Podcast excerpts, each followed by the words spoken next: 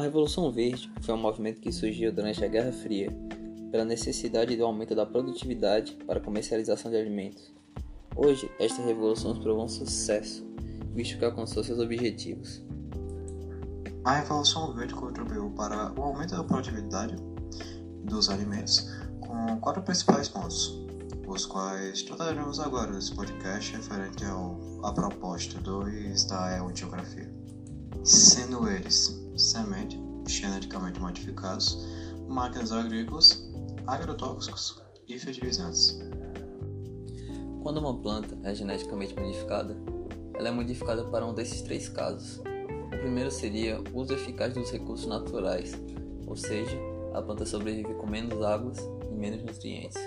O segundo seria o combate de pragas e doenças, fazendo plantas mais resistentes a fungos, bactérias, vírus e qualquer substância que possa causar mal à planta.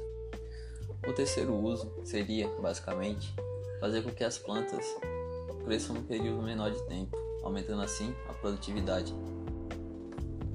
As máquinas as contribuíram com a agricultura, facilitando a colheita e facilitando assim também a plantação assim conseguindo facilitar a aplicação de agrotóxicos e esses, esses produtos.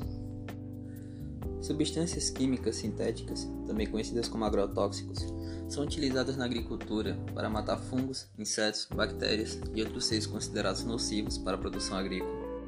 Os fertilizantes têm o principal papel de fornecer os nutrientes necessários para as plantas, assim aumentando a produção e auxiliando as plantas a aumentar esta produção.